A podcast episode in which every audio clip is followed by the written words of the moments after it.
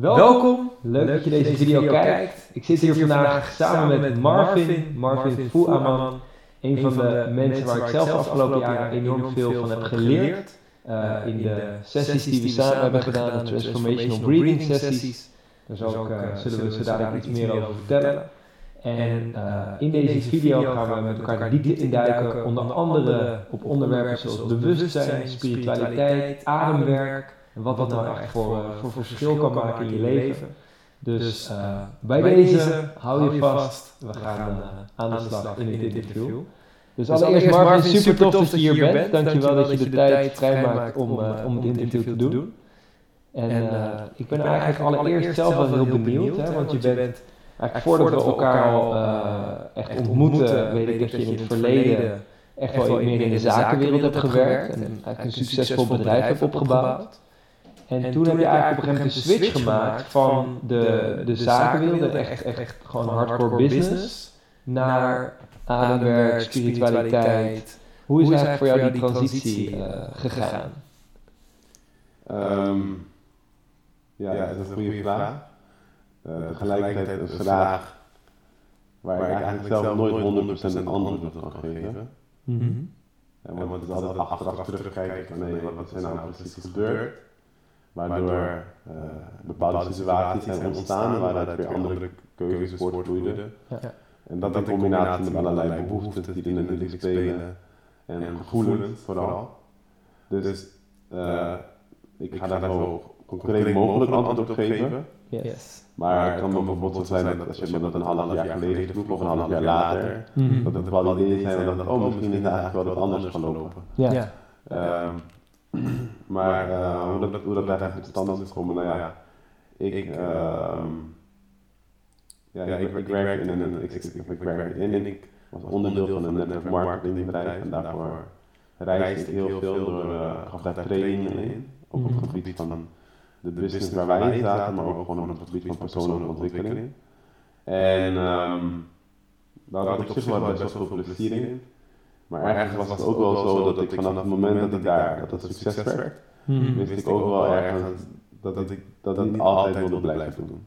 Mm-hmm. Ja. Uh, maar tegelijkertijd was het best wel lastig om daar dan, hè, des te meer, des te verder ik daarin kwam, des te meer ik ergens ook voelde van, dat er een bepaalde benauwdheid was. Die ervoor zorgde van, nou, ik wil wat verder kijken dan dit, maar ik had eigenlijk geen flauw benul in welke hoek ik nou wilde kijken.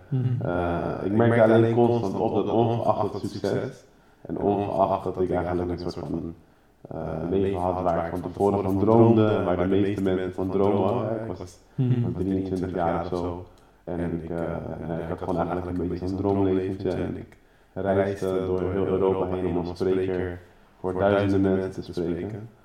Maar tegelijkertijd was er ook een gevoel van, nou, uh, ik wil of iets anders, ik weet niet precies wat ik wil. Maar er zit in ieder geval een gevoel, waardoor ik zeg maar steeds merk dat er of iets niet af was, of niet helemaal klopte, mm. of niet compleet voelde, of dat er meer moest. Uiteindelijk, uiteindelijk vertaal ik dat dan, vertaalde ik destijds dat, dat ik anders wilde, of meer wilde of zo. Mm. Maar ik voelde eigenlijk constant iets niet af. Ja. En dat is denk ik een gevoel waar de meeste mensen altijd mee lopen. Mm van, um, nou ja, leven is prima, leven is leuk, maar iets is niet helemaal af, iets is niet helemaal compleet. En, en, en dat begon steeds groter te worden bij mij. En het begon steeds meer op de voorgrond te treden. En, en um, waardoor ik begon met gaan zoeken eigenlijk in de eerste instantie. Um, en nou ja, zoals jij weet, hè, dat op een gegeven moment richting uh, de, de, de gezondheidshoek gegaan en uh, mm. dat heel diep ben gaan kijken naar gezondheid en naar voeding en, en, en, alles in die hoek. Ja. En daar ook nog een tijdje training over gegeven. Ja. En uh, zo nog veel meer kwam er eigenlijk langs. Was het gezondheidsstuk dat je daar gewoon passie over kreeg? Dat je misschien dacht van hey, misschien is dit het om mensen hierin te helpen? Of was het ook dat je bij jezelf merkte van hey, als er iets nog niet helemaal af is, Misschien dat ik dan in mijn voeding of in de energie iets anders kan doen om mijn hormoonhuishouding anders te creëren, zodat ik daar, daar dan gelukkiger van word. Of misschien een combinatie van de twee.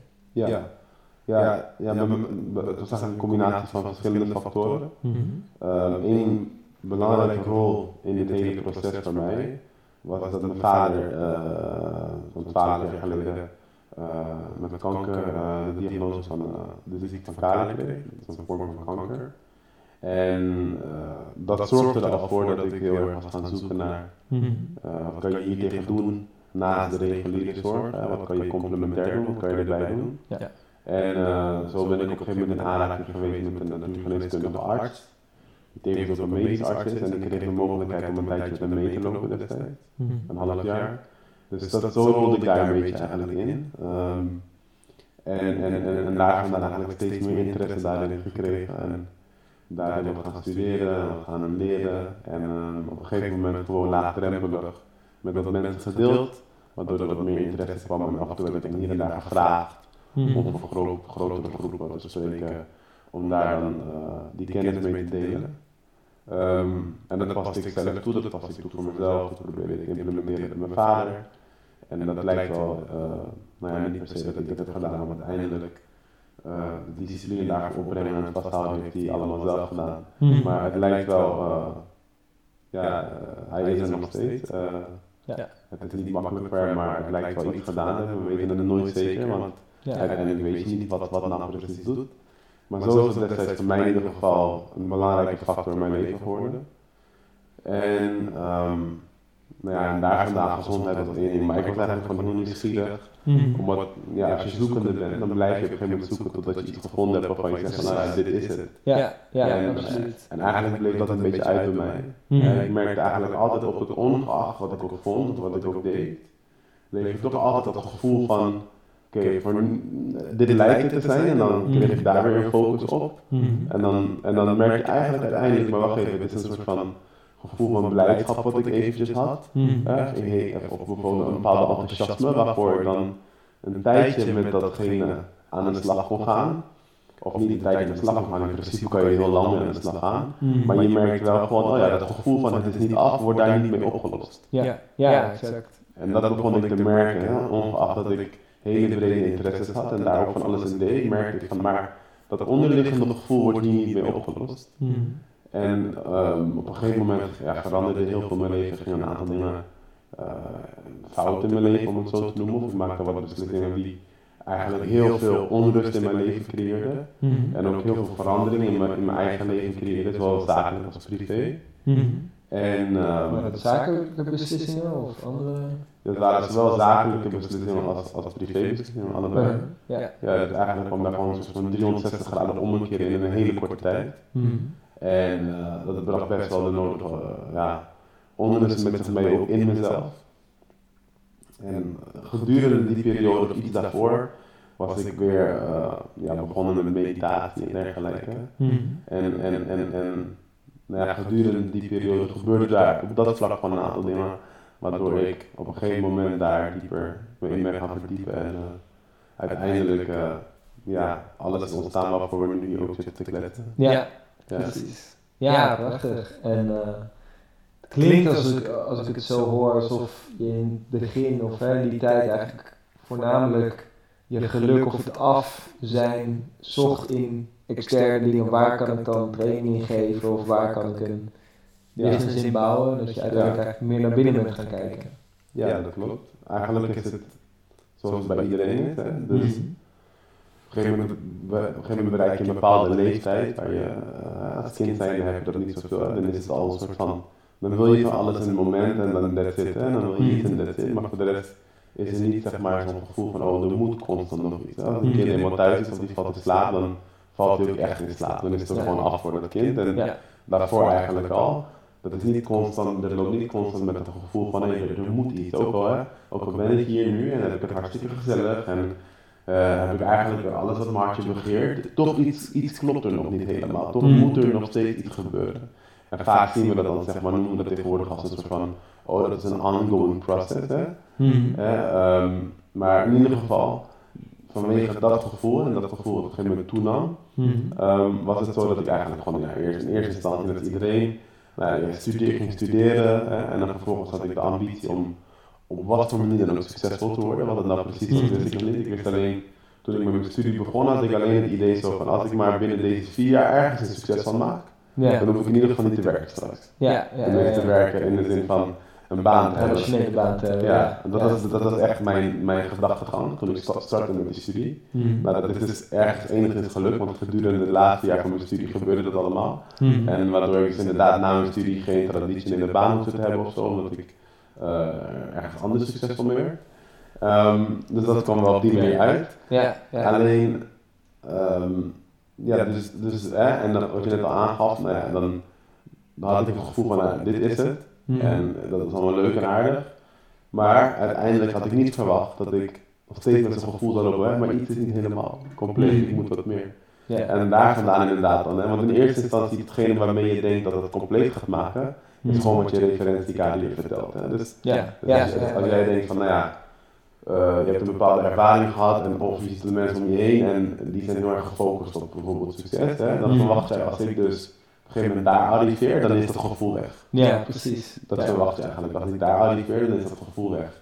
En voor mij was het dus, hè, mijn vader was altijd ondernemer en zo, Mhm. was het dus heel erg logisch van, ja, als ik bijvoorbeeld eh, on, succesvol ondernemer word en ik vond het ook wel fijn om erkenning te krijgen en status, Mhm. dan is het gevoel weg. Ook omdat in bepaalde momenten in je leven heb je ook gemerkt dat, oh, bijvoorbeeld je hebt wat goed gedaan en je krijgt een bepaalde erkenning. Ja. En dan komt er bijvoorbeeld een, wat een euforische staat ontstaat of blijdschap.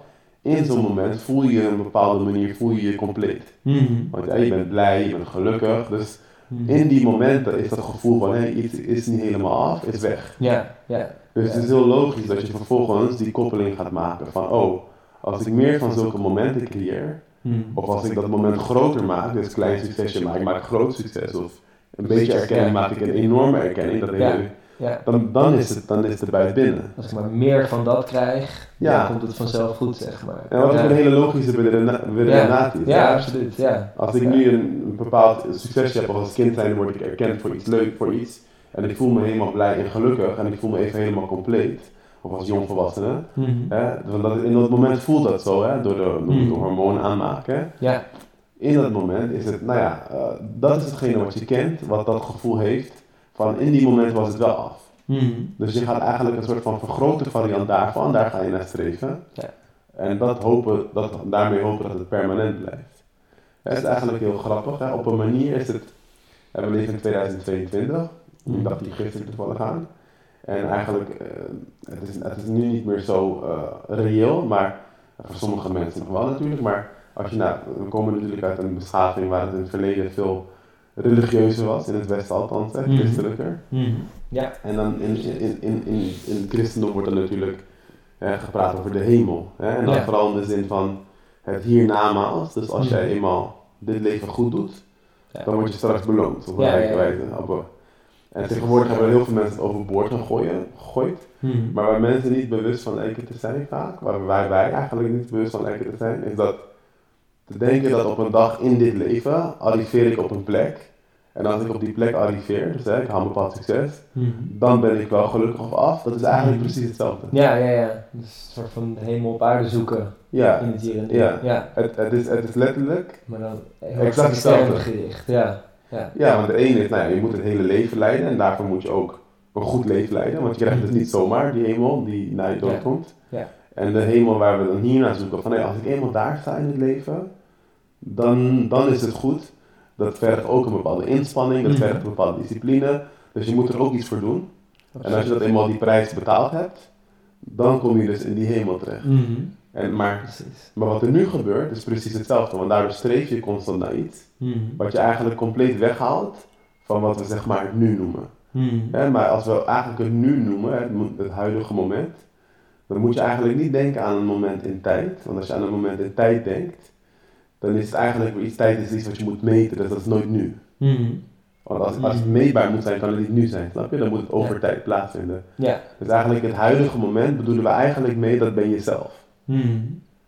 En dat is een beetje lastig te begrijpen, maar als je, bij, als je echt in het, in het nu zou komen, dan kom je eigenlijk terecht bij je, bij je, bij je meest eh, directe ervaring zelf. Mhm. De ervaring van jezelf of van het Ja. leven. De ervaring van het leven. Ja, want er is nooit geen ervaring. Dus als jij in het nu zou komen, kom je gewoon bij jezelf terecht. Mhm. En door constant te zeggen van nou, hemel is daar ergens, hè, of als ik dat hier ben gearriveerd in het leven, dan is die beweging naar jezelf toe terug eigenlijk is bijna onmogelijk. Precies. Het is niet dat je nooit meer kan streven, maar als je eenmaal al zo heel lang op die manier leeft en dan zegt van, nou ja, ik wil eventjes hè, een stapje terug doen of ik wil echt even in mezelf landen. Mhm. Terwijl je volop blijft streven elke dag. Dat zijn eigenlijk een bewe twee bewegingen aan de andere kant van elkaar. Mhm. Ja. Ja. En, en dat was eigenlijk een beetje ook de situatie bij mij. Mhm. Waardoor ik merkte van, hé, hier is eigenlijk iets niet helemaal hè, vol, volledig. Maar ik bleef eigenlijk keihard maar vooruitstreven. Waardoor je een soort van met de, met de kraan open aan het rijden bent. Ja. Ja. Ja, ja dat is zo'n belangrijke, zo'n waardevolle les dat we ook in persoonlijke ontwikkeling er natuurlijk heel vaak verteld wordt van hé, je wilt inderdaad doelen stellen en voor die doelen streven en op zich wat je ook zegt, er is niks mis mee. Alleen als je je geluk constant verplaatst naar als ik dat heb behaald, dan pas kan ik gelukkig zijn, dan mis je eigenlijk het genieten van het enige moment wat er bestaat, namelijk het hier en nu, Ja. en dit moment. En, Ja. ja. En, en, en, en, en het is niet alleen dat, hè, maar als je dat al zo Mhm. lang gewend bent om op die manier te leven. Mhm. eh, dus is het niet alleen dat je. ehm, je ervaart het bijna eigenlijk niet eens. Je weet, je, Mhm. want je bent altijd in een bepaalde beweging, zit je constant. Eh, waardoor je dus jezelf ervaart als die beweging op een gegeven moment. Dus je, Ja. dus je ervaart jezelf als datgene wat altijd bezig is. Of de, dat kan je gedachten noemen of Ja. emoties noemen. maar je ervaart jezelf niet als de, eigenlijk de compleetheid die er al is. Precies. die vooraf gaat aan al die bewegingen. Ja. Waardoor je dus eigenlijk jezelf altijd op een manier gelimiteerd voelt, Mhm. in plaats van compleet voelt. Dus je voelt jezelf nooit als heel. Ja, Je voelt jezelf altijd, er moet iets gedaan, dit is niet helemaal af. precies. En daarom noemen we dat wel helen, hè, heling, omdat Mhm. uiteindelijk is het weer een proces van heel worden. Mhm. Dus wanneer je wel weer bewustwording beweegt naar ja, jezelf, kan je het zo noemen, of het nu, of datgene, aspect van jou wat er altijd is, hè, wat niet komt en gaat de hele tijd, maar wat er gewoon altijd is. Ja, dan voel je weer van, oh ja, dan begint langzaam maar zeker begint er meer een gevoel van heelheid te ontstaan. Juist. En als je daar vandaan leeft, dan is het een, ja, het is eigenlijk helemaal omgedraaid. Ja. Ja. Ja. En dan leef je niet meer om iets af te maken of om heel te worden of om Mhm. gelukkig te worden. Dan is dat eigenlijk al geregeld. Mhm. En dan leef je eigenlijk omdat je bepaalde dingen moet doen, als je het gewoon leuk vindt, maar er zit niet zo'n zware lading meer. Dus de, de zware lading is eruit. Ja, ja, exact. Dus het is niet meer omdat ik iets moet per Mhm. se, of omdat als ik dit niet realiseer, dan ben ik ongelukkig, of dan voel ik me niet goed genoeg, of dan. eh, eh, eh, eh. Ja, dus dat belang is eruit op een manier. Ja, ja. En als je dan zeg maar het leven ingaat, dan ga je op, op letterlijk precies exact de tegenovergestelde manier ga je dan het leven in. Mhm. Want nu is het eigenlijk altijd zo, als ik dit allemaal regel, dan ben ik oké. Mhm. En als het allemaal niet goed gaat, dan ben ik eigenlijk niet oké. Is heel en voorwaardelijk. Het is heel voorwaardelijk en het is ook heel erg, het maakt het ook heel spannend altijd. Mhm. Ja, er, er- er is altijd, al- er hangt altijd heel veel van af in één keer, snap je? Er staat altijd heel veel op het spel op die manier. Ja, ja, absoluut. Ja. Ja, want als het niet lukt, wat dan? Ja. Ja. Dan voel je je niet volwaardig, dan voel je... Ja, dus dat betekent eigenlijk, je leven is altijd in een bepaalde anxiety. Mhm. Ja. Precies, ja. Ja, en het is zo interessant. Ik heb ook echt wel tijdens de sessies die we hebben gedaan, zo vaak ervaren en daarbuiten, hoe lastig en uitdagend het soms kan zijn om in het hier en nu te zijn. We hadden het op een gegeven moment een paar sessies geleden over, dat, eh, over het in het hier en nu zijn. En toen was ik dus aan het ademen. En toen had ik op een gegeven moment zoiets van, oké, ik ga in het hier en nu zijn. En dit is zo belangrijk en ik voel hem helemaal. En dan tien seconden later is eigenlijk de eerstvolgende gedachte, oké, straks als ik dan mijn eten ga eten, dan ga ik echt heel erg bewust in het hier en nu mijn eten eten en heel erg genieten van het eten. Ja. Maar wat je met die ene gedachte al doet, is gelijk, of wat ik met die ene gedachte al deed, was gelijk die sprong alweer maken naar, oh, maar over vijf minuten of over Ja. een kwartier. En zo, zo slim kan het ego soms zijn om ons weer uit dit moment te halen. Ja. Ja. Ja, en dus enerzijds is het, klopt dat, en aan de andere zijde is het weer, dat lijkt zo, maar je kan niet uit dit moment. Ja, want je bent er al. Ja, Ja, en, en daarom is het eigenlijk, en daarom is het een soort van, creëert het verwarring door te zeggen, het hier en nu. Want dan lijkt het iets wat tijdgebonden is. Mhm. Hè? En als het tijdgebonden is, dat betekent een soort van, eh, daar, moet ik, daar moet ik wat voor doen of daar kan ik naartoe werken. Mhm. Maar eigenlijk is het niet zo. Je bent altijd al hier. Mhm. En ook als we zeggen hier en nu, of, eh, of, of, of hier in de zin, de verwarring zit er erin, omdat het eigenlijk, het refereert naar locaties. Ja. En een locatie is al, al- altijd voorwaardelijk, Want als ik een locatie moet aanwijzen, Mhm. dat betekent het dat het ergens op één plek wel moet zijn, maar op de andere plek niet, anders kan ik geen locatie aanwijzen. Ja, Een locatie Ja. moet, is altijd relatief, dat kan niet Mhm. absoluut zijn. ja. Snap je dan wat ik zeg? Hè? Dus, dus als ik zeg hier en nu, Mhm. en tijdgebonden nu is nu en niet straks. Mhm. Ja, Dus precies. eigenlijk ja. als je ja. hier en nu zegt, zeg je eigenlijk iets heel verkeerds. Niet verkeerd dat het zeg maar moreel gezien verkeerd is of zo. Maar als we datgene wat we proberen te omschrijven, omschrijven, met hier en nu, creëert het eigenlijk ook verwarring. Want hier betekent al hier, en dat is, dan, Ja. dan verwijs je naar een locatie. Ja, ja, ja. Hè, En nu betekent eigenlijk een tijd, en dan verwijs je naar een tijd. Ja. Maar eigenlijk praten we over het, over het hier en nu, over iets wat het huidige moment, wat tijdloos is. Ja. Je praat over een tijdloze dimensie en je gebruikt eigenlijk tijd om die dimensie aan te geven. Dat kan helemaal niet. Ja.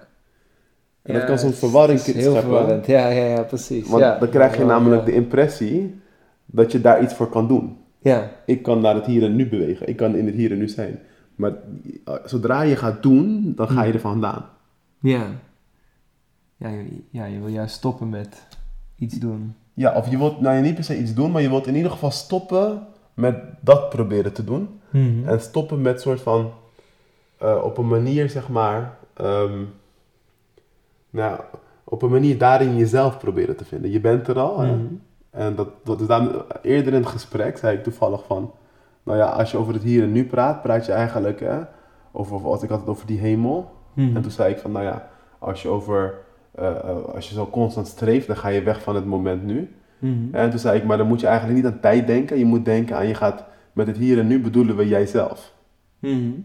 Want als je namelijk Ja, ja, ja, niet zou precies. zoeken naar jezelf of naar dingen, dan blijft er over jijzelf. Dus als je niet, ook al zou je niet streven in de toekomst op dit moment, als je zou landen in het hier en nu, dan land je eigenlijk in jezelf. Mhm. En eigenlijk is dat, heeft dat niks met tijd te maken. Oké, ja. Ja, en, en, en eigenlijk is het meer, je zou eigenlijk meer kunnen zeggen, je maakt niks van jezelf. Ja. Ja, want het, het- het ego wil natuurlijk constant identificeren. En onze persoonlijkheid, we willen constant identificeren met ik ben mijn naam, ik ben mijn beroep, ik ben hoeveel geld er op de bankrekening staat, ik ben Ja. het huis waar ik in woon, ik ben een vriend, vriendin, eh, noem het maar op, vader, moeder, dochter, zoon. Ja, Alle, alle rollen eigenlijk die we spelen ja, daar, ja, dat gebruiken we vaak om het concept te creëren van dit is wie ik ben. ja, Ehm, en als we natuurlijk vanuit meer bewustzijn komen, dan, en we laten los van die labels, wat blijft er dan over? Mhm. ja. Dus, dus dat zou je inderdaad op die manier dan inderdaad beter kunnen omschrijven. Mhm. Maar dat is dan, als je die labels eerst loslaat, dan is het een soort Ja. van oppervlakkige beweging. Mhm. Want er is nog steeds zeg maar iets wat, heeft, wat ervan overtuigd is, ik moet die labels loslaten, want dat is beter. Hè, dus dat is dan een onbe- on- spirituele non-verbale. ego als het ware. Ja, bijvoorbeeld. Hè. Ja. Een, Ja. soort van non-verbale identificatie kan je dat dan noemen. Mhm. Of, of een soort van iets dieper, eh, een autoriteit op, op een manier. In de zin van, kijk eigenlijk is het, hè, is het zo dat je hele persoonlijkheid is over de jaren heen opgebouwd. Mhm. En er zitten een aantal identificaties in die je net benoemt, die je heel makkelijk kan zien. Ja. Maar er zit Ja. onbewust zit er veel meer in Mhm. qua, hè, noem het even autoriteit. Waarom autoriteit? Want autoriteit is eigenlijk op een manier is datgene wat een bepaalde zeggenschap heeft in jouw leven. Oké. Hè, toch een, Ja. als je dacht, dat, is- dat is voor jou een, autoriteit, een bepaalde zeggenschap in jouw leven. Hè? Dat Mhm. is iets wat, Ja, als iemand En- een autoriteit is, ja, zeker. Ja. ja, dus om het even op die manier te zeggen. Hè? Dus iets waar, je leven, iets waar jij bijvoorbeeld jezelf op gebaseerd hebt. Mhm. Dus eigenlijk als je daar helemaal al naar de basis in gaat, dan kan je bijvoorbeeld zeggen, nou iemand is gelovig of zo. Mhm. En omdat hij gelovig is, dan is dat een soort van autoriteit in zijn leven. Ook, al is dat, ook al is hij daar nu misschien een soort van, ja, ik ben wel gelovig opgevoed, maar ik heb er niet zelf heel veel mee. Mhm. Die normen en waarden van dat geloof, dat zullen wel heel vaak onbewust ook nog steeds, zeg maar, bepaalde autoriteiten in zijn, in zijn systeem zijn, snap je? Mhm. Dus per definitie, eh, aardig zijn is goed, niet aardig zijn is fout. Mhm. Eh, eh, eh, en ga zo maar door, snap je? Ja, ja. Dus ja. zo zitten er bij heel veel mensen, ook al hebben ze niet heel bewust een bepaalde identiteit. Mhm. Ze leven altijd wel, los van dat ze bepaalde normen en waarden hebben in hun leven. Mhm.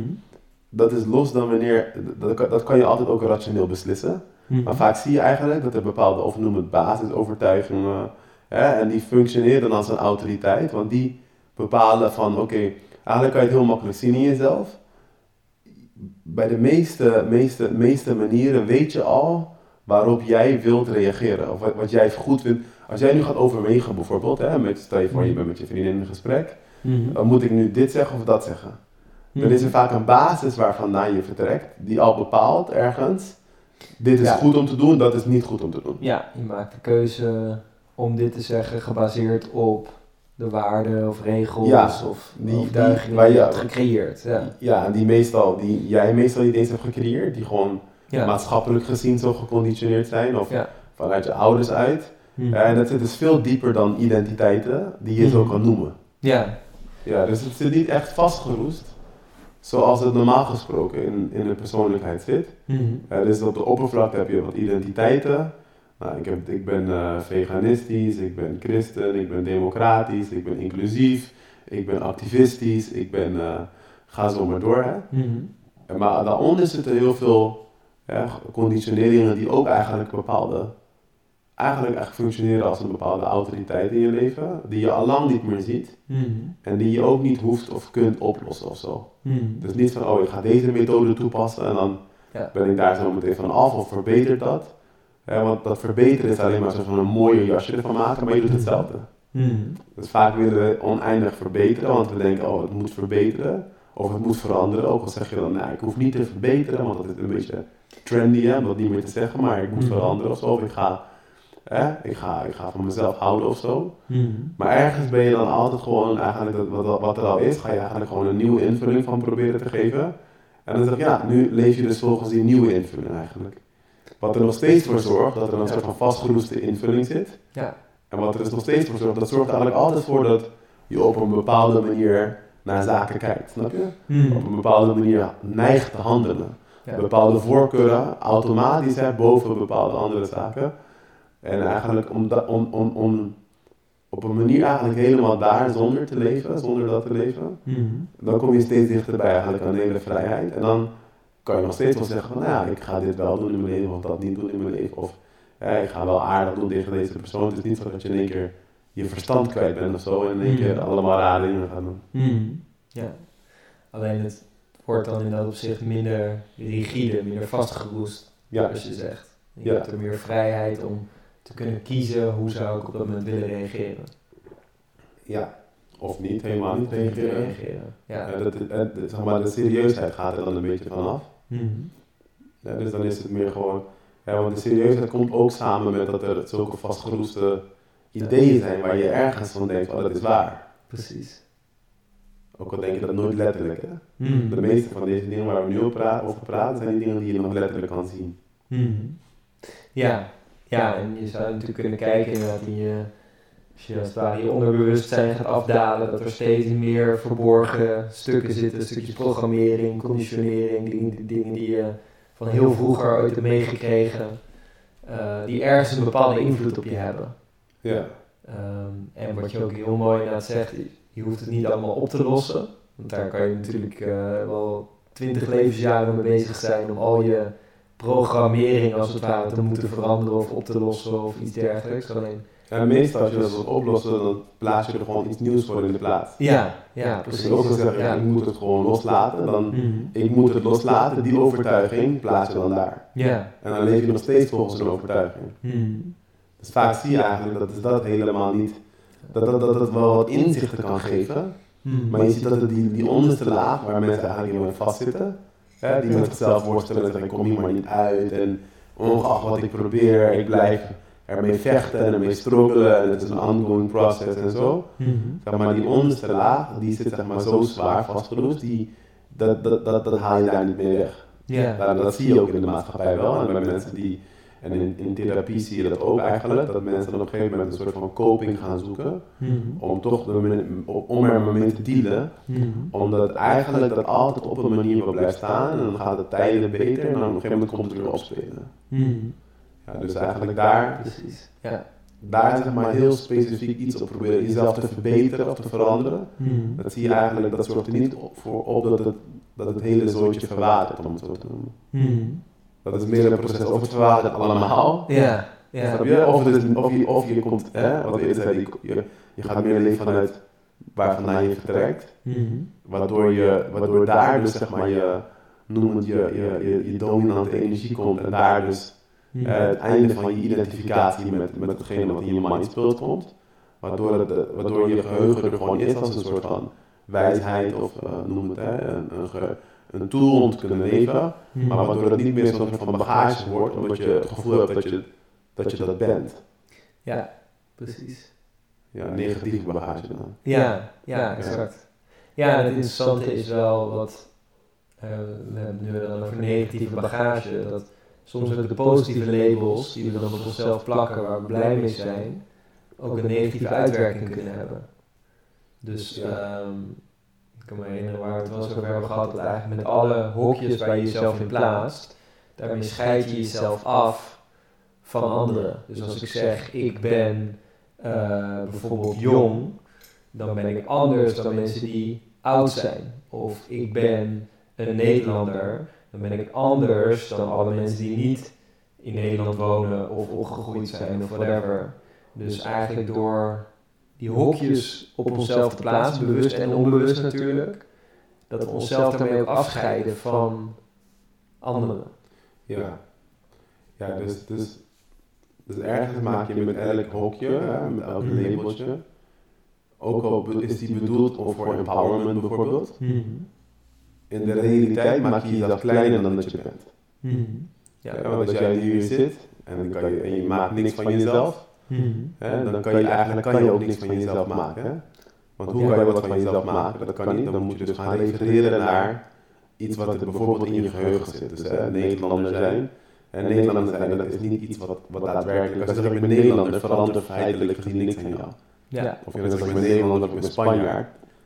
Dat, Ja. Snap je? Ja, ja, ja. En jouw feitelijk gezien verandert er niks. Het is omdat jij eh, hier geboren bent, in dit gedeelte van de wereld, en jouw voorouders ook, dat je Nederlander bent. Maar feitelijk gezien ben je dat dus niet. Begrijp je? Dit- dit is- Ja, het is meer een rol van ervaring eigenlijk. Ja, het is, het is, het is, het is eigenlijk sociaal, gewoon maatschappelijk sociaal is het zo. Ja. Maar, eh, toevallig hier geboren. Ja, Ja, maar vijf grens ergens anders had gelegen, dan was je in België geweest. bijvoorbeeld, ja, dan had je, was je nu in België geweest, Ja. terwijl je dezelfde, dezelfde wezen hier zit. Ja. Dus dat is eigenlijk niet waar. Maar wat doen wij? Dus, dus- dus- dus we kunnen nooit wat van onszelf maken. Hè, we kunnen eigenlijk alleen maar een soort van ideeën die we hebben uit het verleden, want dat moet je je onthouden. Als je dat niet onthoudt, als je nu op je achterhoofd valt en je verliest je geheugen, dan kan je niet zeggen ik ben Pim, dan kan je niet zeggen ik ben, ik ben Nederlander, maar jij bent er nog. Dus dat trek je allemaal uit je eigen geheugen. Ja. Dus nu zeg je ik ben Nederlander, dan pak je een stukje uit je geheugen en dan ga je dat proberen, ga je proberen om jezelf daarin te proppen. Ja. Ja. Hè, wat eigenlijk niet kan, ja. maar wat, wat, wat, wat per, per direct een gevoel van afscheiding geeft. Mhm. Eh, afscheiden, eenzaamheid. En ook het gevoel geeft van, ik moet bevrijd raken weer. Ja. Dus dat gevoel van, ik ben niet af, essentieel gezien komt dat onder andere daardoor. Ja.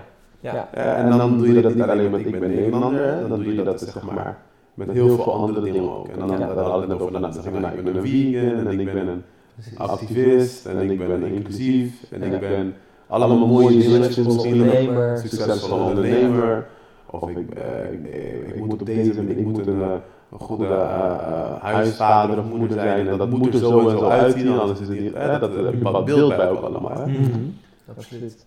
En eigenlijk op dat moment, het allemaal van die voorwaardelijke toestanden. Want eh, om vegan, om dit te zijn, allemaal voorwaarden gaan gewoon. Anders kan ik, als ik niet voorwaarden aan die labels bind, hoe kan ik dan weten dat ik het ben? Ja. Hè, dus die labels zijn allemaal gebaseerd op voorwaarden. Ik ben christen, dat is voorwaarden. Ik ben vegan, dat is voorwaarden.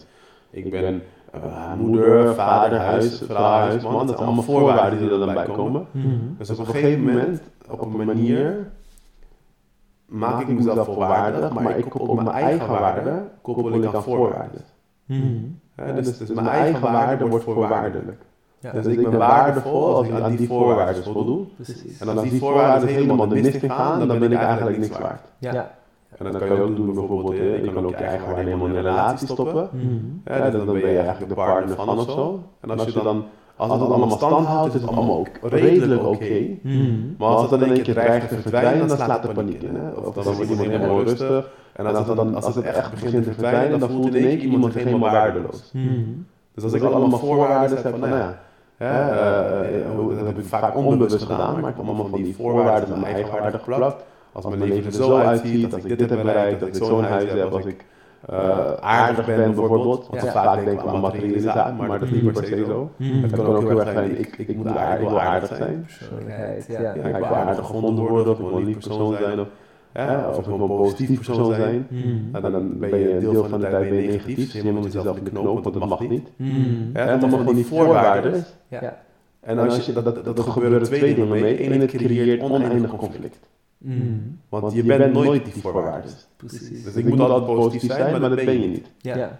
Ja, elke keer van, ik moet positief, nee, ik mag ook wel eens negatief zijn. Allemaal van die ideeën. Snap je? Oneindig ideeën over hoe het wel of niet moet zijn. Ja.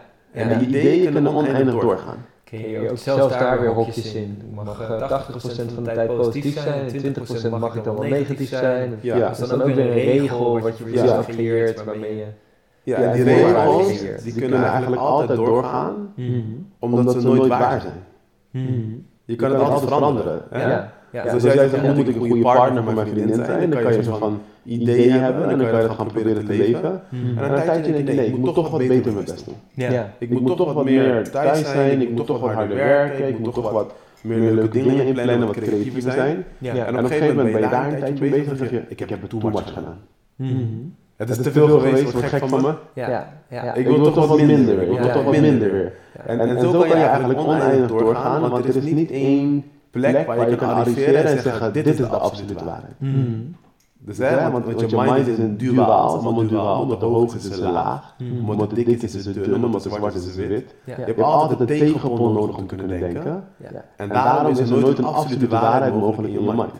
Precies. Het is altijd een relatief iets. Ja. Ja. Ja. Ja. En wij zoeken een soort van absolute waarheden in, in, in, iets- in een deel van ons dat per definitie relatief is. En, en dat creëert dus eigenlijk een van oneindig conflict. Ja. Ja. Hè, want dan ga je allemaal hokjes creëren waar je in gaat proberen te zitten. Nou, en dan kom je in zo'n hokje te zitten, wil je uitbreken, want dan voelt het benauwd aan. Maar tegelijkertijd komen er dagen langs waar je helemaal niet voelt zoals als de regels van het hokje. Maar dat mag natuurlijk niet. Want dan, dat- dan krijg je een conflict met jezelf. Ja. Dus dat creëert eigenlijk oneindig veel problemen. Precies. Die zich uiteindelijk gaan uiten ook naar elkaar toe. Ja, want inderdaad, ik ben dan Nederlander, maar dan ben ik niet hetzelfde. Ja, dus die, maar die afscheiding creëert, die creëert eerst en foremost een enorme afscheiding in jezelf. Je komt zelf in een conflict terecht waar je zeg maar altijd maar blijft proberen een beter hokje te creëren, een betere kader te creëren. Ja. Dat gebeurt dus allereerst. En daarna als tweede krijg je van, nou ja, ik ben toch anders dan jij. Precies. Ja. Ja. En dan kan je zeggen, nee, maar ik ben best wel een liberaal persoon en zo. En uh, dat maakt allemaal niet uit. Maar ergens van binnen voel ik me toch anders dan jij. Ja, het is wel anders zijn, er is niks mis mee.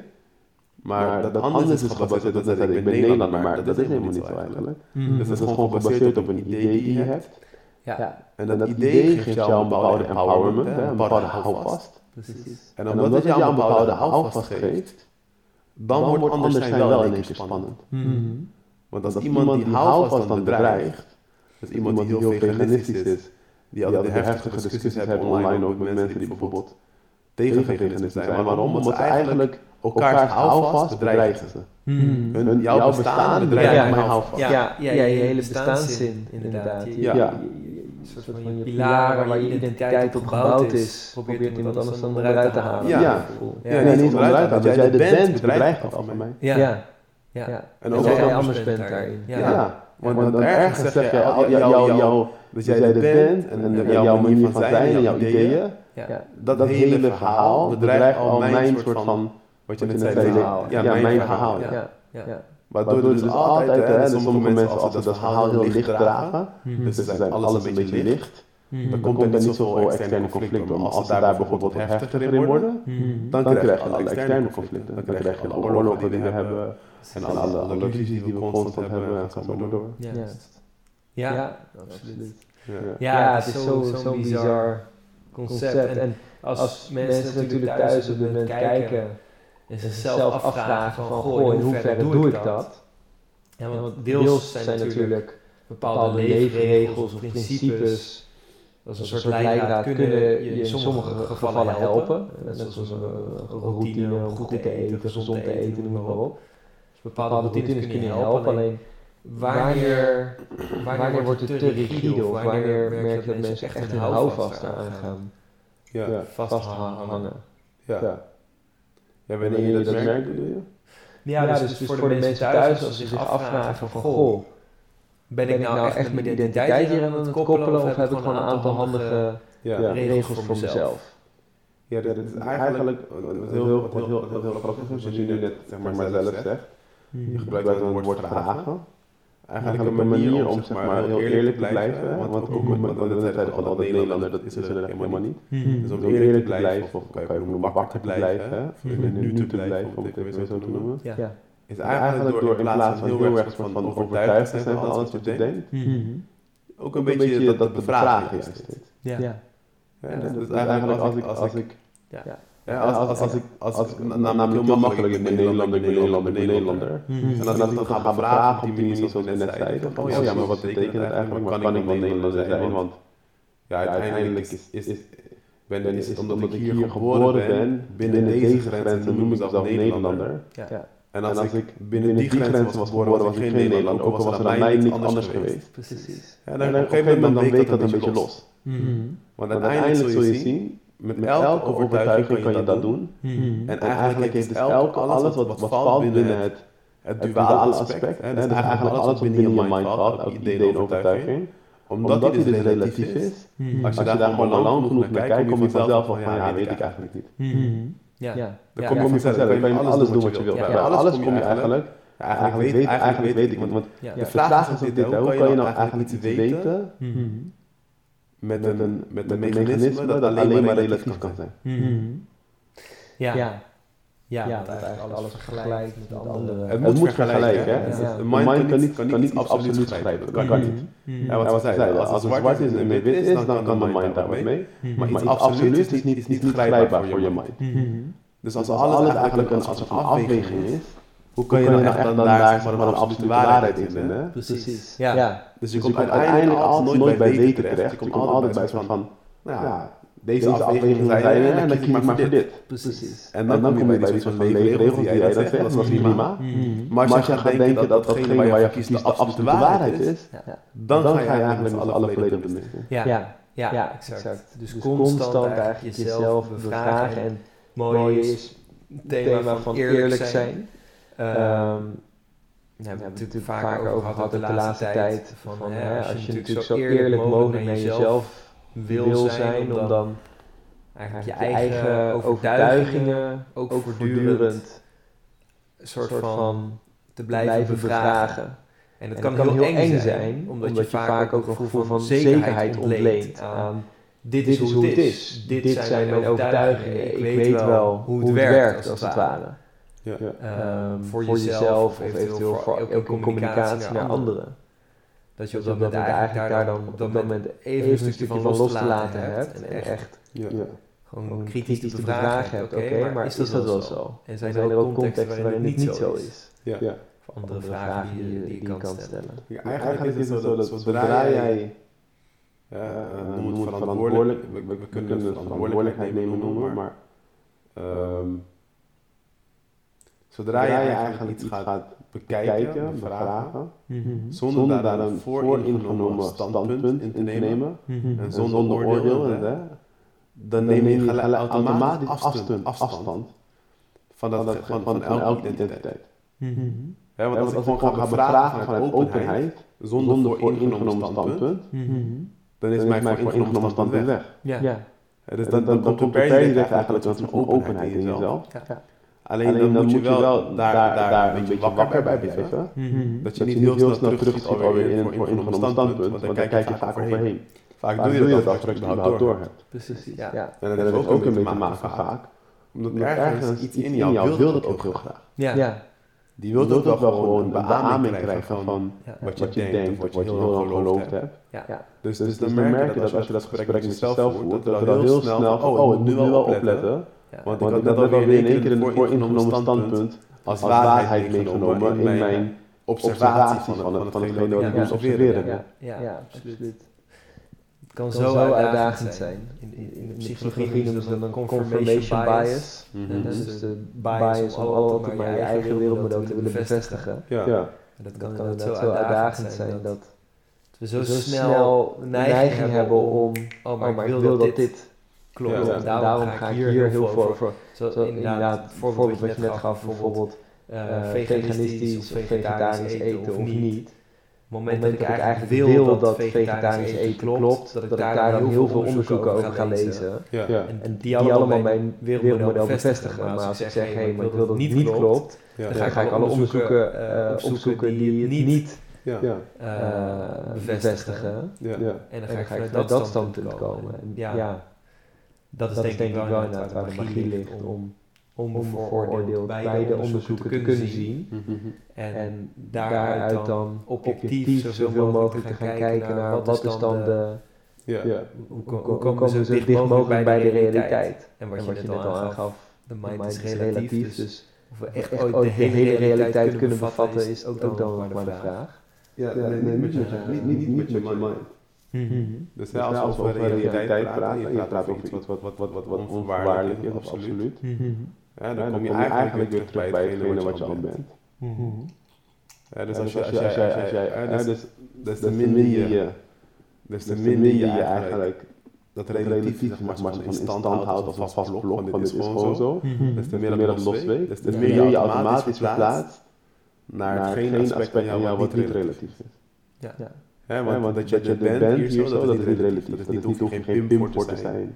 Daar hoef je niet iets voor te doen. Stel, sterker nog, als je probeert om er niet te zijn nu, lukt dat je niet eens. Dus dat betekent dat het niet relatief ja, dat is niet zo'n mooi fabeltje wat ik nu vertel. Dat kan je in je eigen ervaring je gelijk zien. precies. Ik ben er altijd. Dus niet ik als Pim. Niet ik als persoonlijkheid. Niet ik. Niet eens ik waar ik van soort man moet gaan kijken, ben ik er. Hè, want dat doe je dan eigenlijk. Vaak voor de grap. Kijk eens of je er bent, hè, of kan je er ook niet zijn. En dan gaan mensen eigenlijk in eerste instantie kijken, eh, ben ik of ben ik er niet? Ja, dus, dus, de vraag, kan je er niet zijn, gaan mensen nadenken, ben ik er niet? Hè, terwijl eigenlijk dan ben je er al aan voorbij. Snap je? Want dat je er bent is al daarvoor. Ja, Ja, ja, precies. Waar- waaruit ontstaat die vraag dan? Ja, dus, dus datgene waar het zit uit ontstaat, Ja. Ja. dat komt en gaat niet. Datgene wat komt en gaat, is nog die vragen bijvoorbeeld, die gevoelens. Alleen onze nadruk ligt op datgene wat komt en gaat. Ja. Ja. Dus onze nadruk ligt altijd op die vragen, op die gedachten, die overtuigingen. Hè, En eigenlijk zolang die nadruk daarop blijft, zal je dus merken dat dat in stand houden van het wereldbeeld, ja, die eh, nieuwe identiteit, de oude identiteit, dat is eigenlijk alleen, dat is eigenlijk nooit intern op te lossen. Dat is alleen maar een kwestie van het verschuiven van de nadruk. Ligt jouw nadruk op hetgene waar vandaan alles voortvloeit, oftewel wat je eigenlijk bent, want dat is hetgene aan jou wat permanent is, of ligt de nadruk op hetgene wat de hele tijd komt en gaat. En dan kom je eigenlijk in een illusie terecht, want dat betekent, iets komt en gaat de hele tijd en je hebt een, een, een idee over jezelf bijvoorbeeld, of, of, of de, de idee over je verleden die komen herinneren, of, of jouw wereldbeeld, als ik nu, of jouw geloof, als ik nu niet elke dag aan mijn geloof denk, mijn overtuigingen, dan bestaat die helemaal niet. Hè? Als ik een christen ben, maar ik denk drie maanden geen christelijke gedachten, dan waar is de christen dan nog? Hè, Als ik als ik, als ik een activist ben en ik denk drie maanden niet aan activisme, waar is de activist dan? Dus dat komt en gaat de hele tijd. Ja. Ja. Ja. En om dat levend te houden moet je je hele tijd inspannen. En daarom zie je dat mensen permanent in een inspanning komen. En daar niet uitkomen, ze altijd hebben gevoel van, thuis, ik moet wat, ik moet wat, wat. Dan komen we bij terug, iets is niet af. Want je komt maar nooit uit die inspanning. Als je de ijzermeester stopt, zou je zien, het is altijd al af geweest. Ja. Ja, ja, ja, ja. Maar het lijkt niet af, omdat je altijd het gevoel hebt, ik moet mezelf vinden in die inspanning. En dan ben je daar van, je bent eigenlijk aan het van hoppen van de ene wolk naar de andere wolk. Terwijl je in principe de blauwe lucht erachter bent. Ja. Ja. Ja. Ja, maar daar kijk je, zie je een soort van niet. Ja. Je blijft hoppen van en die wolkjes, dan zak je erheen. Dus dan spring je in de volgende. hè, Dus die gedachte komt, maar die gedachte kan geen stand houden. Ja. Ja. Jij kan die gedachte vasthouden. Dus die valt weg als je door een wolk staat en dan moet je dan naar de volgende springen. Ja, en daarmee hou je je persoonlijkheid in stand. En eigenlijk, dus, hè, en, en, en, met dat doen daarvan, mm hou je dus, dus ook tegelijkertijd al je verleden en je trauma in je verleden, die hou je, ook in stand. Want eigenlijk ben je de hele tijd je, je verleden en je geheugen een push aan het geven om soort van nu te projecteren. Mm-hmm. Ja, nu te projecteren op wat voor manier? Nou, als, jij, als, ik nu aan het denken ben en daarvan soort van mijn eigen waarde in wil stoppen, van allemaal voorwaarden en dit is goed en mijn overtuigingen en mijn ideeën, dat haal ik allemaal uit mijn verleden. Ja. En ik, en ik projecteer dus de hele tijd, ik soort van geforceerd projecteer de hele tijd mijn verleden, want ik denk, dat ik dat ben. Ja. En als, en als dat, dat niet doet, valt van mijn gevoel mijn ik weg.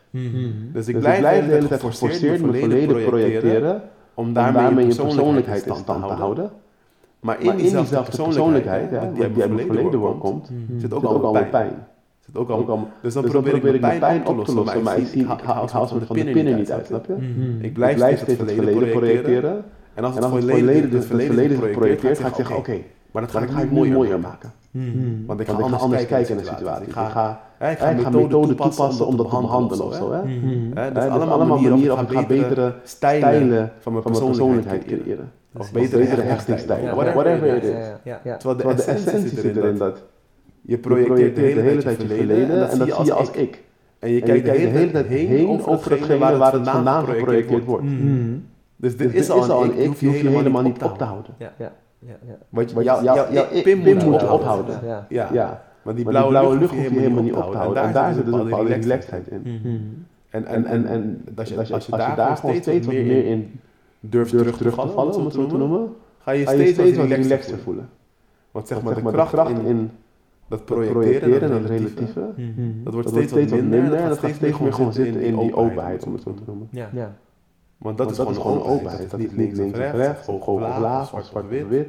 Dat is gewoon een openheid. En in die openheid ben je eigenlijk natuurlijk verbonden met de rest. Mm-hmm. Hoef je ook niks voor te doen. Hoef je ook niet te vragen hoe kan ik meer verbinding voelen of zo. Dat valt allemaal. Dat is allemaal daarmee samen. Ja, ja, mooi. Alright, ik denk dat het een, uh, een mooi moment is om eventjes een van de vragen van uh, mensen van tevoren uh, te stellen. Ik heb namelijk vanmorgen ben ik live gegaan. Toen heb ik via Instagram, Facebook en dergelijke gevraagd aan mensen of, er nog, of ze vragen wilden stellen. Een van de vragen is van Guido. Guido Verboom die vraagt... veel organisaties, ondernemers en misschien ook wel andere individuen Um, die zitten eigenlijk vast in uh, dat ze heel veel zich, zich, zichzelf inspannen. Um, ik ga even de vraag letterlijk oplezen, dan weet ik zeker dat ik hem goed lees. Um, zitten, zijn onrustig, hebben nooit de tijd voor innerlijke verdieping, maar ze zien dit zelf niet in.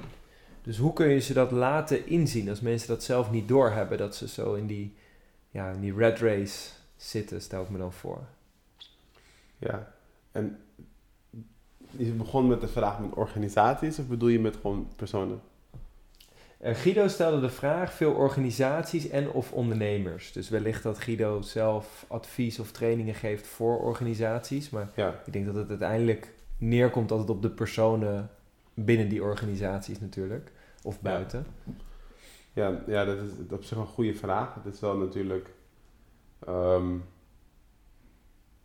ja, wat je eigenlijk merkt is op, in een manier kan je ook zeggen van, nou ja, je kan niet iemand anders helpen, als je überhaupt iemand anders kan helpen, mhm.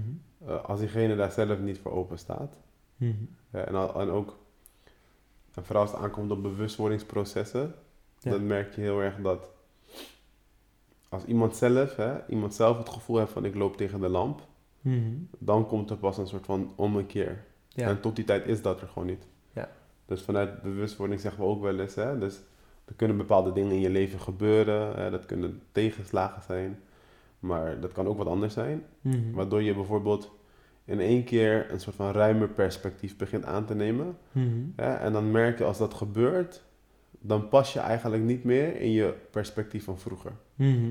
Dus als jij in één keer een soort van verruimt in het bewustzijn, dan kan je niet meer in één keer heel makkelijk gewoon datgene doen wat je, waar je voorheen je satisfied mee voelde. Ja omdat er een bepaalde verruiming is ontstaan. En dan is het soort van, eigenlijk probeer je jezelf dan in een te kleine ruimte te squeezen. Mhm. Waar je vroeger wel makkelijk in paste en nu niet. Ja, ja. Maar zolang, je dat, zolang dat niet gebeurt, dan zat je eigenlijk prima in die kleinere ruimte.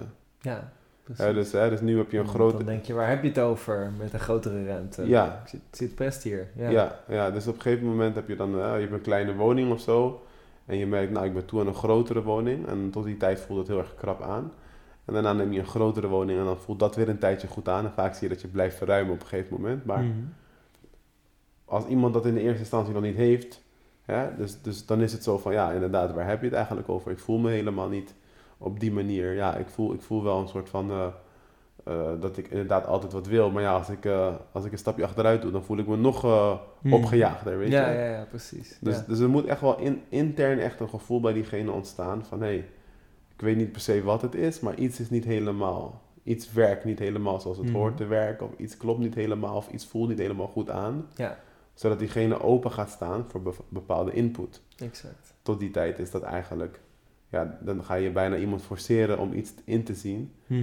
wat gewoon op dat moment niet, hè, want uiteindelijk is het los van het, het soort van intellectuele inzien, Mhm. is het ook praten, wat ik net zei over, als je een soort van verruimt in jezelf, Mhm. dan kan je niet meer in dat kleine hokje zitten waar je eerst in zat, of het kan wel, maar het voelt naar aan. En een soort, los van het hele inzien aspect, is dat gevoel is, is cruciaal daarin. Want jij kan iemand eigenlijk een heel verhaal ophouden. Hè? Dus iemand kan bijvoorbeeld... Ja. Mm, Twee mensen kunnen naar dezelfde teachings luisteren en kijken. Mhm. En voor de ene bij wie het gevoel gewoon helemaal niet aanwezig is van... Oh, ik voel me... Ja, ik, ik ga te hard of ik voel me een soort van in een te kleine ruimte zitten. Of ik heb altijd maar het gevoel dat ongeacht wat ik doe, ik moet nog wat. Als dat gevoel veel minder aanwezig is, dan heeft gewoon de, de, de, de impact van zo'n, van zo'n verhaal of zo'n teaching of zo... Die kan dan gewoon minimaal of helemaal, helemaal nihil zijn. Precies. Terwijl de ander die Ja. ernaast zit, die heeft maar één de eerste zin nodig. En die zegt van, oh, ik ben thuisgekomen. Ja, exact. Ja. Ja, dat is wel het bijzondere dat, ik weet niet, ik herken het zelf in ieder geval heel erg en ongetwijfeld de mensen die thuis kijken.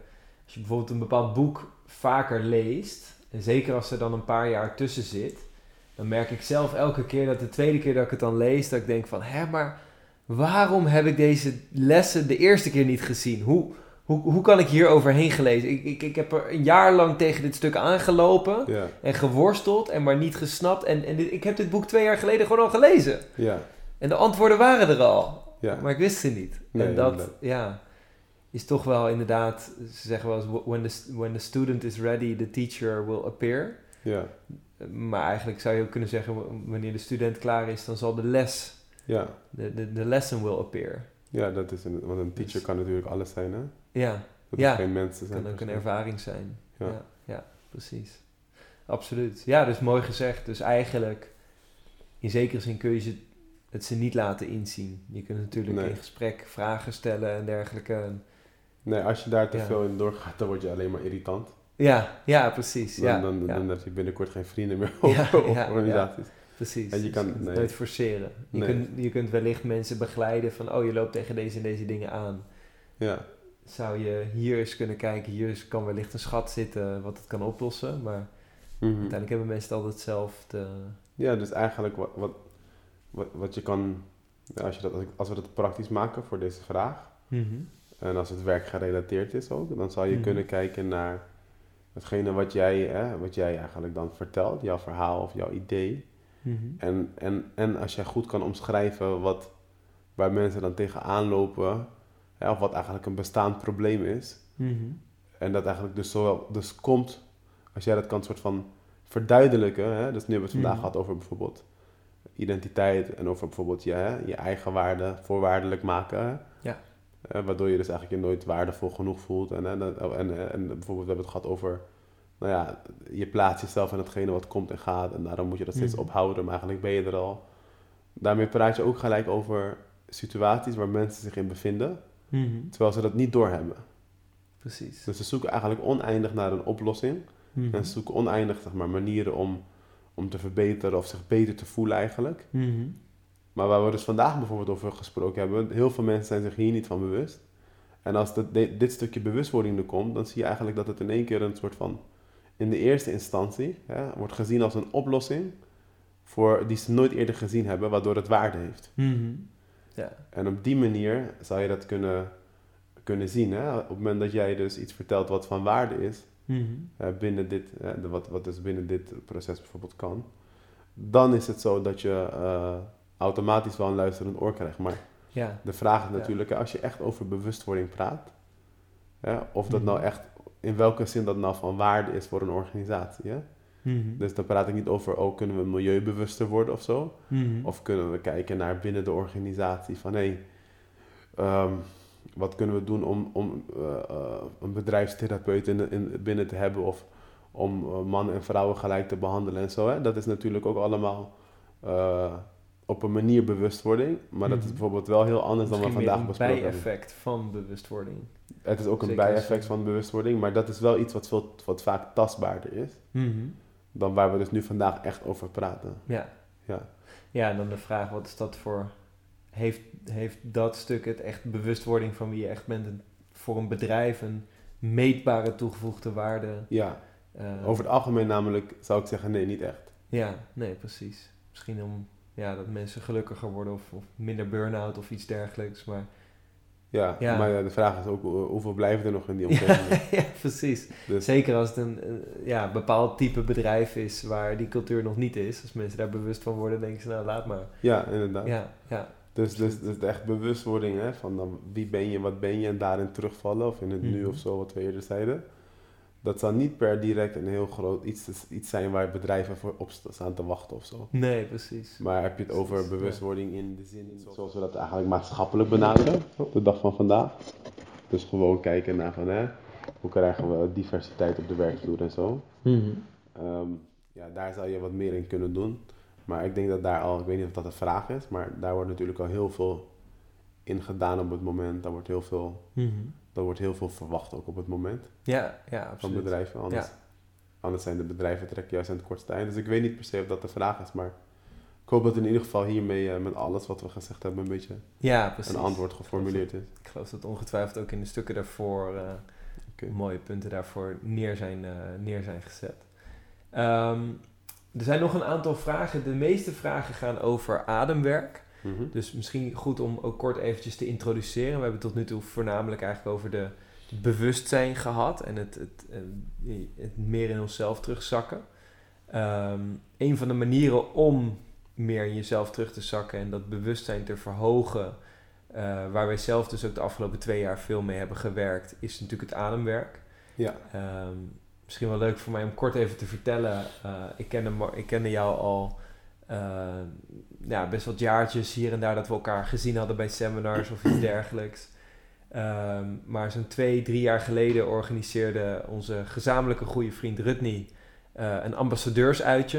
eh, Oh ja. Waarbij een aantal van de ambassadeurs van het Sluis NLP Instituut, dus mensen die andere mensen hadden doorverwezen, eh, daar organiseerden we een groot feest voor. En als trainer was ik daar dus ook bij aanwezig. En super toffe dag. We gingen met een limousine en ergens eten en dergelijke. En in die avond hadden we dus een, een ademsessie. Kwam jij langs om, eh, om dat te verzorgen. Ik moet zeggen, ik moet heel eerlijk toegeven dat ik daar van tevoren nog een beetje tegen opkeek. Niet omdat ik daar tegen mediteren was of zo. Dat deed ik zelf al heel veel in die tijd. Alleen we hadden daarvoor lekker champagne gedronken, lekker gegeten. Dus ik was een beetje in de sfeer van, nou, eh, moeten we nu gaan zitten en mediteren? Dat is niet echt het moment. Eh, maar op de een of andere manier misschien was het juist wel het moment. Ehm, want dat was een ontzettend bijzondere ervaring. Eh, voor mij ook. Ik, ik kan me nog herinneren dat aan het einde we met elkaar deelden van... Hey, hoe was het nou om te ademen en hiermee aan de slag te gaan? Eh, dat ik toen ook echt deelde van ja, ik voelde als het ware de energie compleet stromen door mijn lichaam. Alsof ik misschien twee ecstasy-pilletjes op heb eh, of zoiets dergelijks. Ik heb nooit twee ecstasy-pilletjes op, maar ik kon me voorstellen dat het zo zou voelen. Ehm, en het was, het was heel bijzonder. En zo hebben we meer van dat soort sessies gehad die heel bijzonder waren. Ehm, dus laten we kort even stilstaan. Wat is eigenlijk ademwerk? ja, een goede vraag. Ja, want we ademen natuurlijk de hele dag door. We ademen de hele dag. Dus dat is altijd, Precies. zeg maar, in de Ja. eerste instantie, dan denken mensen ademwerk, waar gaat het eigenlijk over? Ja. Tegenwoordig vraag je dan vaak van, oh, is dat Wim Hof? Ja, Ja. ja. Ehm, maar de essentie van ademwerk is, zoals we al eten bespreken, is bewustwording. Mhm. En dan is het niet zozeer van, kan ik bewust van mijn ademhaling worden? Maar vanuit het oosten kennen we bij ademwerk ook wel iets wat ze noemen pranayama. Mhm. En dat betekent eigenlijk letterlijk, prana kennen vaak mensen dat woord wel, energie. Mhm. En yama betekent een beetje het besturen of controleren van de energie. Van de energie, het pranayama. Ja.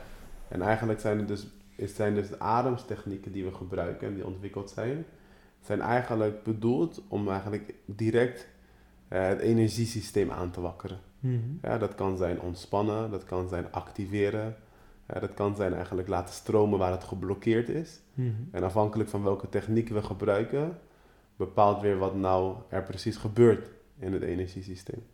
Precies. En zo is het dus dat we de techniek die we dan bijvoorbeeld eh, aan het einde gebruikten, die jij net, eh, net zei, hè? Mhm. daarin wordt je energielichaam heel erg geactiveerd en ga je op een gegeven moment inderdaad de energie voelen stromen door je lichaam.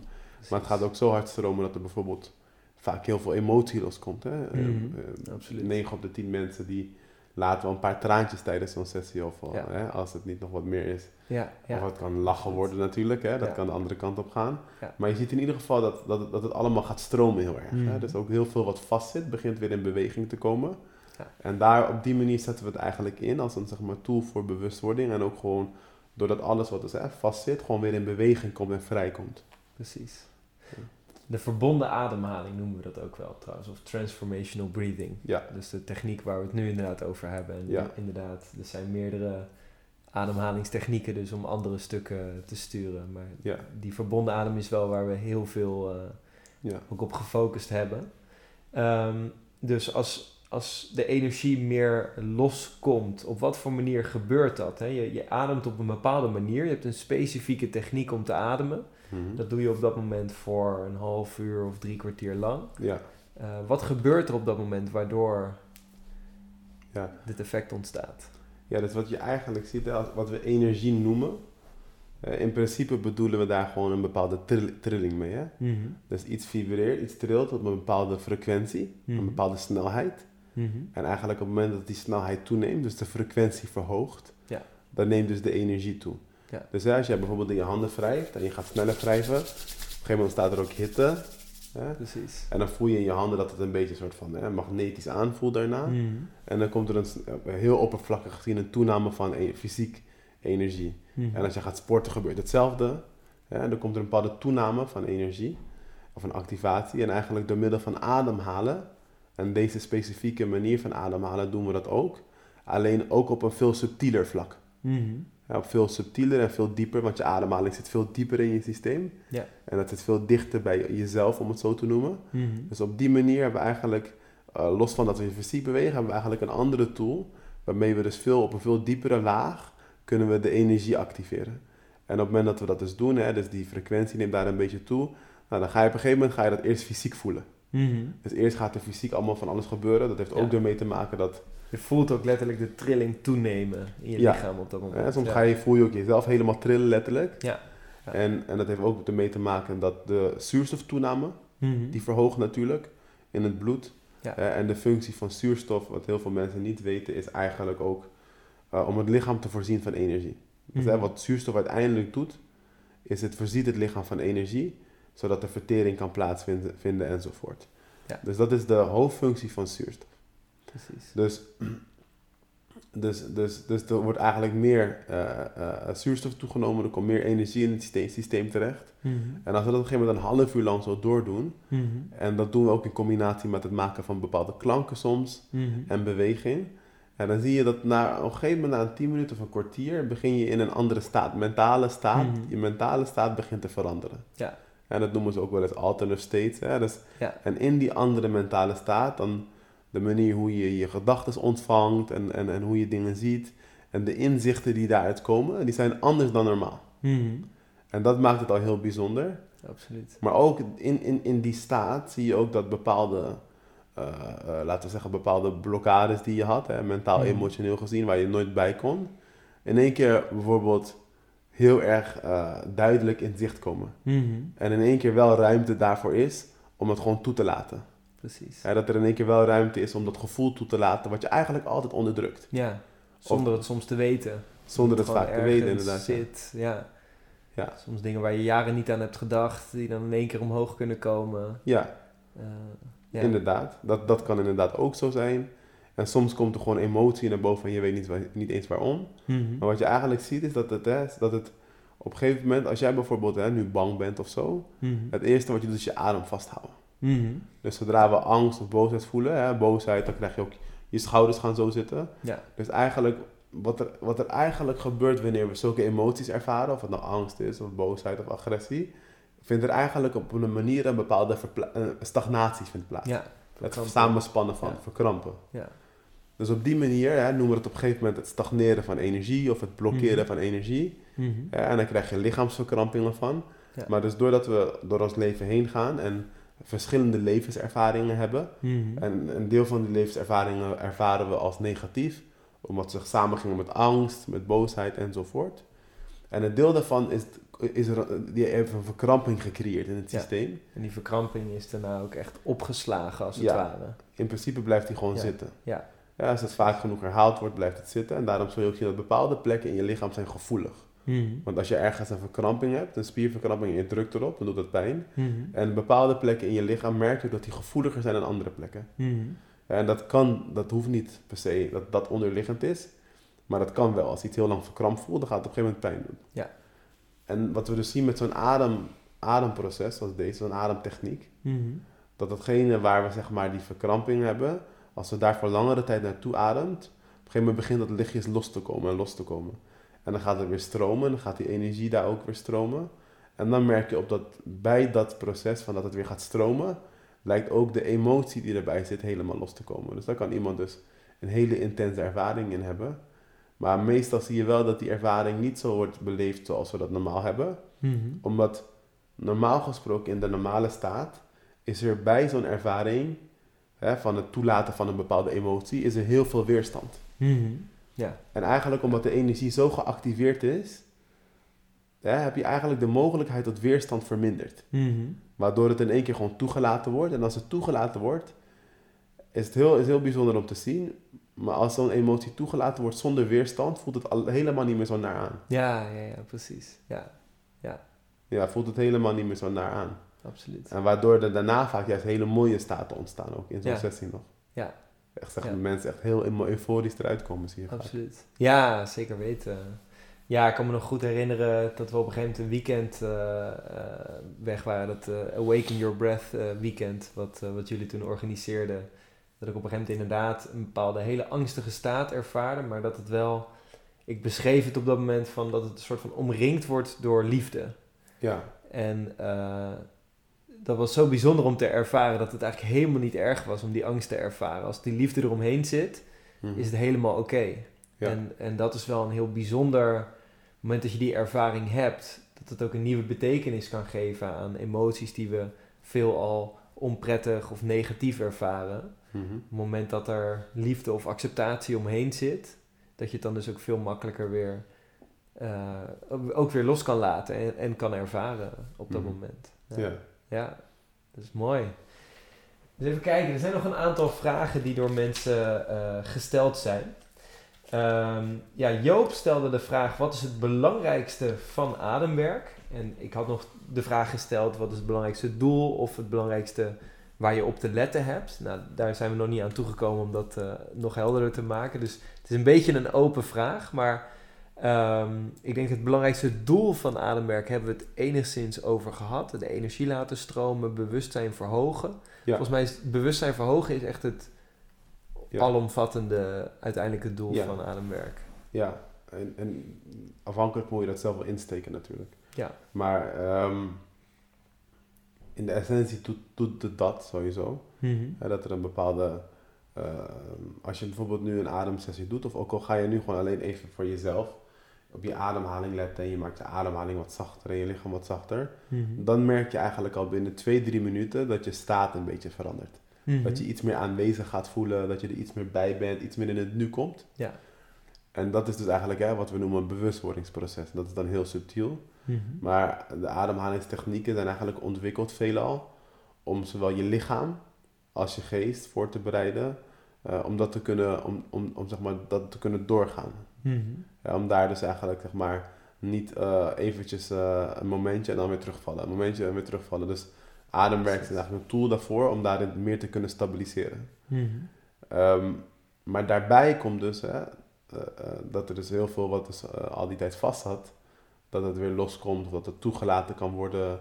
Dus er is een hele andere lading bij die eigenlijk heel veel doet op het gebied van, laten we zeggen, emotionele verwerking. Ja. Dus heel veel emotie Dat uh, was onverwerkt, noemen we dat. Mhm. Uh, dat wordt weer meer verwerkt, meer toegelaten, meer geïntegreerd, om het zo te noemen. Is geïntegreerd, kan je ook wel zeggen, als we het niet meer onderdrukken, dan integreert het in jou als geheel. Mhm. En als je het onderdrukt, dan hou je het op een manier buiten jezelf. Ja, ja, ja. Ja. ja.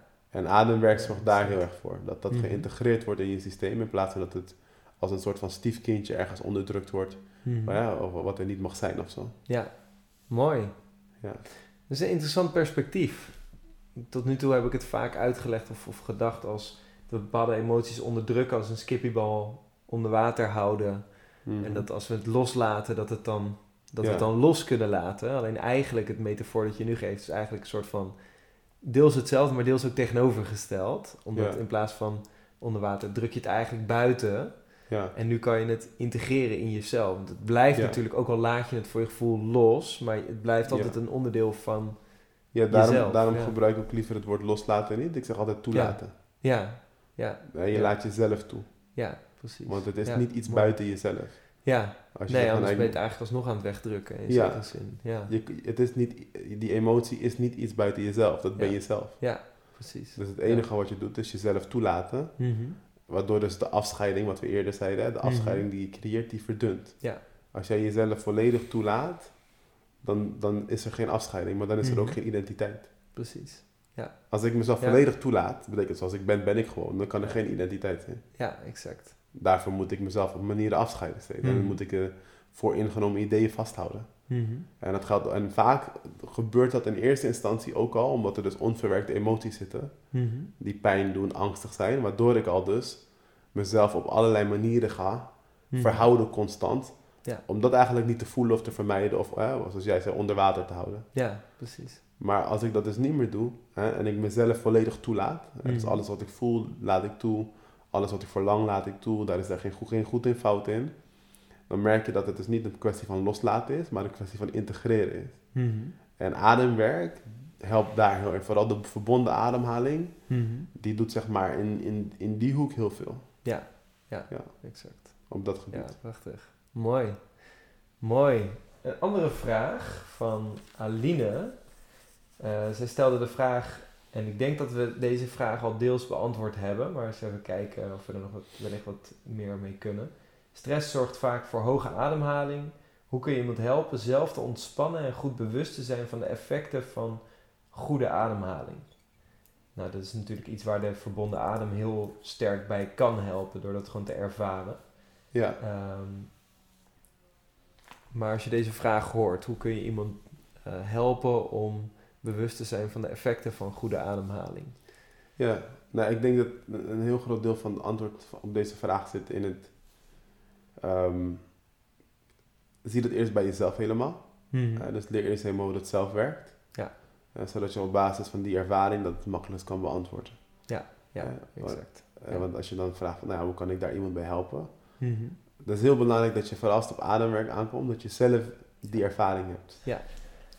Ja, dus je merkt dat, dat je verschillende reacties van mensen krijgt, verschillende ervaringen van mensen. Mhm. Niet iedereen is precies hetzelfde, dus iedereen heeft net andere ervaringen hierin. En om dat echt goed te kunnen meegeven, en ook wanneer iemand dus zijn situatie uitlegt hè, en, en, en, en zegt van, nou ja, dit lukt niet bij mij of dat lukt niet bij mij, Mhm. is het dus heel erg belangrijk dat je eh, zelf de juiste ervaringen hebt, zodat je weet wat je daarop kan antwoorden. Dus dat is mijn, mijn nummer één antwoord daarop. Ja. Daarnaast zal ik altijd zeggen van, nou, als jij iemand bijvoorbeeld naar zijn buik laat ademhalen, maar je laat diegene ook heel erg de nadruk leggen op dat hij zijn lichaam heel ontspant en heel met, met een soort van zachtheid ademt. Dus niet, Mhm. Niet van een soort van, ik ga langzamer naar mijn buik ademen, maar wel een soort van hardheid of stelligheid erin van het moet goed Mhm. nemen. Hè? Een Mhm. soort van meer met liefde, met zachtheid. Ja. Dan zul je merken dat het, als je dat een tijdje met iemand doet, ook als maar een paar minuten, dat er eigenlijk het hele systeem verzacht. Het hele lichaam verzacht, mind verzacht een beetje. En dat is denk ik iets heel basics wat je met iedereen kan doen, Ja. inclusief jezelf. Ja, exact. Ja, Ja. mooi. Mooi. En eh, Saskia stelde ook nog een vraag. De laatste, laatste vraag voor deze. Ehm, en dat is een hele andere vraag. En dat is, heb jij een bepaald eh, ritueel wat je bijvoorbeeld elke ochtend doet Nee. of elke dag doet? Nee. Oké, nou, dat is eh, Nee. snel beantwoord. Ja. Check. Alright, mooi. Dan was dat het denk ik. Bij deze, we zijn eh, behoorlijk de diepte ingedoken. Dus uh, sowieso ontzettend bedankt voor alle wijsheid die je ook in dit interview weer, uh, weer hebt gedeeld. Over het stuk bewustzijn, bewustwording uh, en het stuk ademwerk en ademhaling. En hoe dat ook weer kan bijdragen aan bewustzijn en bewustwording. En nou kan ik me heel goed voorstellen dat er veel mensen zijn die op dit moment denken: hé, hey, hier wil ik dieper induiken, hier wil ik meer van weten. Of misschien zelfs wel ook gewoon binnenkort eens gaan ervaren. Uh, waar kunnen mensen meer over jou te weten komen? Of kunnen ze eens langskomen om te ervaren een van de workshops die je doet? Ja, ja, um, ja we hebben natuurlijk een studio in Amsterdam mm. waar we werken. Ja. En um, daar doen we maandelijks een verbonden adem workshops. Mm -hmm. Wekelijks doen we daar uh, verschillende klassen waarin we uh, verschillende ademhalingstechnieken beoefenen en ook uh, praten over bewustwording eigenlijk heel erg in lijn met wat we vandaag gezien hebben. Alleen wat meer Mhm. praktische dingetjes tussendoor. Ja. En uh, individuele trajecten doe ik natuurlijk coachingstrajecten met mensen. Dus Exact. voor de mensen die daar behoefte aan hebben, kunnen we eigenlijk alles op de website vinden. Uh, www.umoja.com. Misschien kan je dat nog op een andere manier ook delen. Ja, zeker. Ik zal sowieso de link, umoja.com, zal ik in de beschrijving hieronder, boven, waar dan ook, Ja. bij de video zetten. Ja. Ja. En we hebben natuurlijk eh, eh, de opleiding. We doen een opleiding tot ademcoach. Ja, Waar exact. we heel enthousiast over zijn. Dus eh, Absoluut. dat is ook op de website terug te vinden. Dus Absoluut. in een notendop zijn dat de dingen die we op het moment aanbieden. Ja, ja, prachtig. Nou, zeker aan te raden. Zoals ik ook al in het interview zei, ik heb zelfs een beetje alles wat je net benoemd hebt, wel eens een keer gedaan. Ja, Individuele trajecten, eh, al twee jaar lang. eh, individuele workshops, de opleiding inderdaad, die is voor mij nu gaande. ja. Dus, eh, en de retreat. Ja, ja, en de retreat inderdaad. Ja. Dus eh, absoluut. Ja, Alles ja. Ja, alles, alles gehad inderdaad. Ja, absoluut. En heel veel waarde van eh, kunnen, kunnen opdoen. Dus eh, ook dank je wel daarvoor. En eh, zeker voor de mensen die zeggen... hey, ik wil hier meer over weten. Ik wil hier meer verder induiken. Dan eh, zou ik het van harte aanbevelen. Dat gezegd hebbende, ik hoop dat je genoten hebt van deze video. Ik hoop dat je hier veel van geleerd hebt. Als je vaker dit soort video's wil zien, denk eraan om je even te abonneren op dit YouTube kanaal. En geniet van je dag vandaag. Heel veel succes met toepassen. En tot de volgende keer. Bij deze, ciao. Ciao.